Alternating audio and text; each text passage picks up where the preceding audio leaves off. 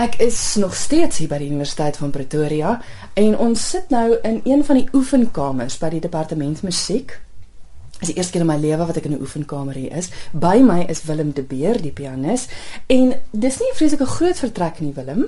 Nee, glad nie. Nee, mens mens kan as jy klaustrofobies raak of iets het, dan sal ek nie aanbeveel dat jy hier oefen nie want die mure skyn so om die klank te probeer breek sodat dit nie vreeslik ekho as jy speel nie om dit so half sagter te maak. Maar dit kan jy nog as vreeslik vrees aan jou hand wees as jy inkom met die skewe mure en dis net hout reg rondom jou in die klein kamertjie so. Ja, dit is 'n 'n interessante plek. Ek het gewonder hoekom dit skuinsmure was. Ek het net gedog as iemand wat nie kan bou nie. Nee, nee, nee. Julle kon was baie slim eintlik. en interessant genoeg is hier's twee klaviere in die klein vertrek. Ja, dit maak dit nog kleiner. So ja, dis maar vir konserto speel is daar 'n pianis met 'n orkes dan word een persoon die hele orkes en dan begelei hom of is daar twee klavierwerke gespeel moet word. Mense kan selfs les gee. Ek gee lesie op Saterdag dan jou student by die een klavier en jy's by die ander klavier sodat jy kan demonstreer wat jy bedoel. Hier's geweldig baie oefenkamers. Ja, ek dink in totaal is daar 45 oefenkamers. Elke student sal vir jou sê daar's te min, want 'n week voor die eksamen is almal nou besef O, oh, ek het net te min geoefen. Dan sit almal deernag sessies in en dan kry jy nie 'n klavier nie vir ons wat so getrou oefen.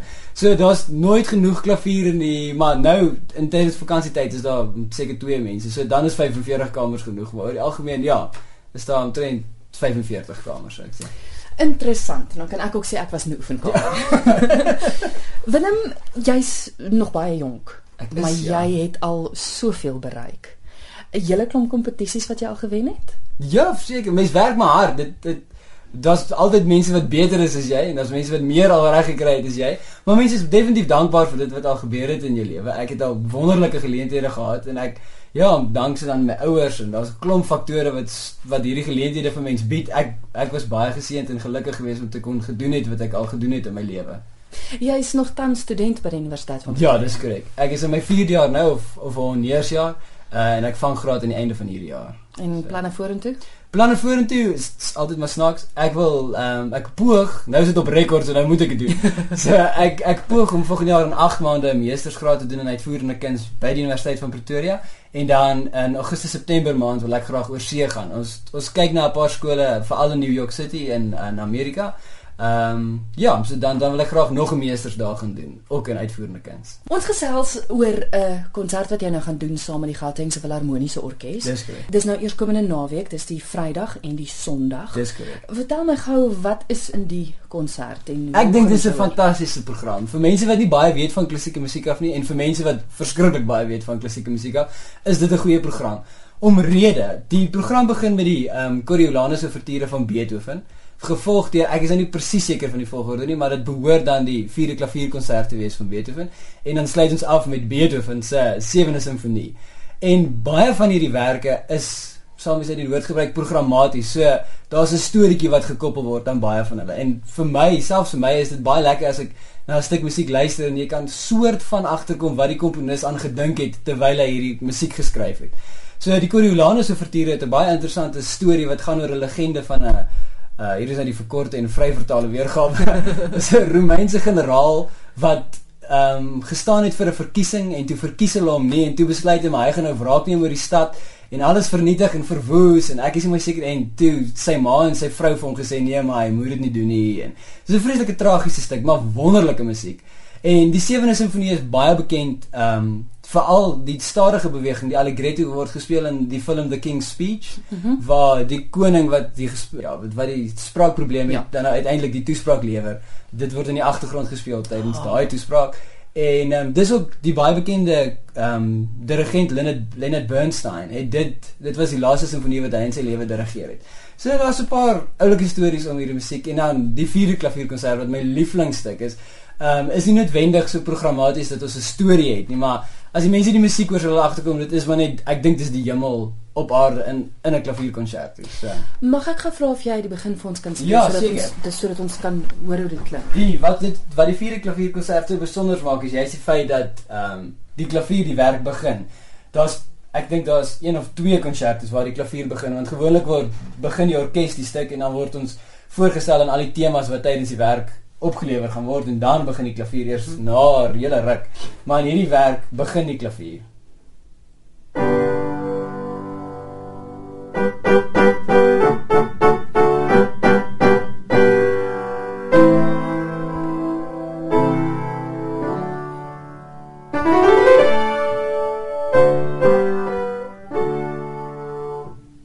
En dan neem die orkes oor gesien en toe jy dit speel onmiddellik toe gaan daar lig in my kop aan te weet dat dis daai een. Dis daai.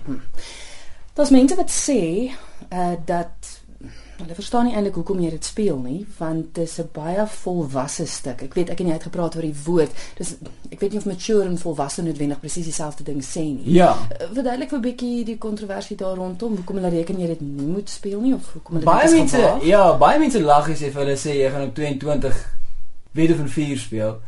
Maar baie mense het ook vir my gelag toe ek gesê ek gaan op 22 trou. So ek gee nou nie regtig om nie.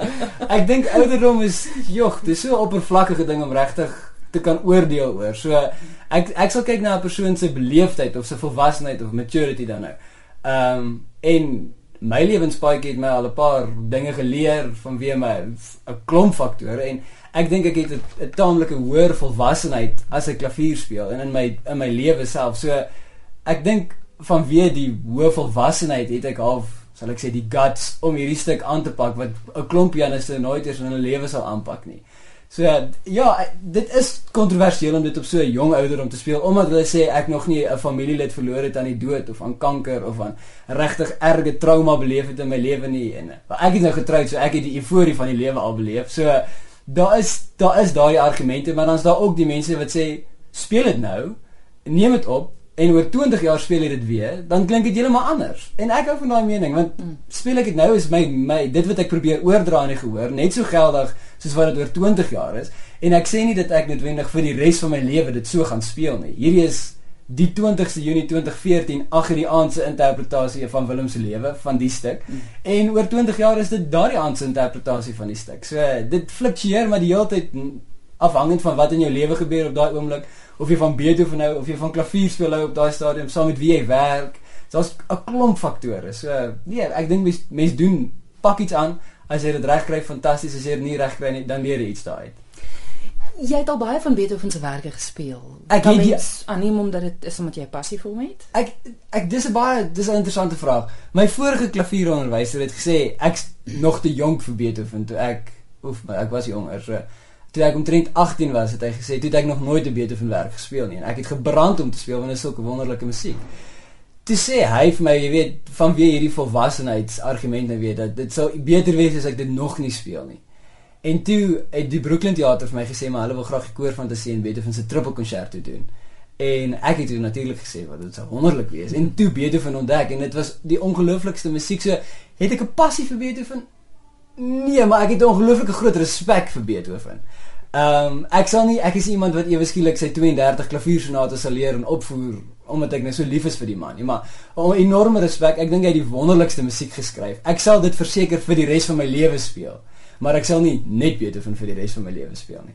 Hmm. Jy tree nou weer op saam met die Gautengse Filharmoniese Orkees soos jy genoem het, nie die eerste keer nie, Ja. maar wel die eerste keer saam met die dirigent Alexander Fokkens. Dis korrek. Ja, ek sien verskriklik uit. Ek dink dis 'n konsert is altyd 'n verskriklike snaakse dinamika want jy het die hele orkes en 60 mense wat vir jou sit en kyk en jy het jou mening oor die stuk. Daar's 60 menings in die orkes en dan het jy nou nog die dirigent se mening ook. So iewers moet ons hierdie goue middeweg kry oor die interpretasie van 'n werk en afhangend van die dirigent se persoonlikheid en my persoonlikheid het dit al gebeur dat mense bots met die dirigent of jy raak verlief op die dirigent en jy werk daarna verskriklik weer saam. So ek ek is dis altyd vir my baie opwindend om met 'n nuwe om met 'n nuwe dirigent te werk. So ek sien verskriklik uit om te sien wat is sy interpretasie van die Beethoven. En miskien ooreed hy my van 'n paar goeters wat ek nie hoef te doen nie of moet doen en miskien ooreed ek hom van 'n paar goeters wat ons dalk moet insluit in die werk. Dis beslis nie die laaste keer wat ek en jy gaan gesels nie. Mense kan sien Wonderlik. jy's ontsettend passievol oor wat jy doen. Wat is dit van 'n klavier wat jou maak tik? Ek sou nie sê dis klavierspel eers nie. Ek daar's nie elke dag ek staan ek is nie een van daardie mense wat 4 uur sal opstaan en sê maar nou moet ek begin oefen nie. Ek staan 5 uur op en dan begin ek oefen. So dit daar is daar wat mense voel dis dis nie klavier nie. Ek dink musiek musiek is waaroor my hart gaan. En ek dink die die feit dat ek die wêreld kan opsom in 'n stuk en iets daardeur sê vir iemand. Dit beteken vir my baie. Dit dis wat vir my mooi is van musiek. Dis wat vir my iets gee in musiek is. Ek kry iets daardeur om te sien maar dis hoe die wêreld lyk deur my oë en ek sê iets en mense word aangeraak daardeur as ek speel en daardeur te luister na dit wat ek doen. Dis dis vir my die ding. En klavier is net die mooiste instrument. Dis toevallig. As ek meer van die cello gehou het, het ek cello gespeel, maar klavier is nou maar net die mooiste instrument op aarde. Mens kan regtig nie strei nie.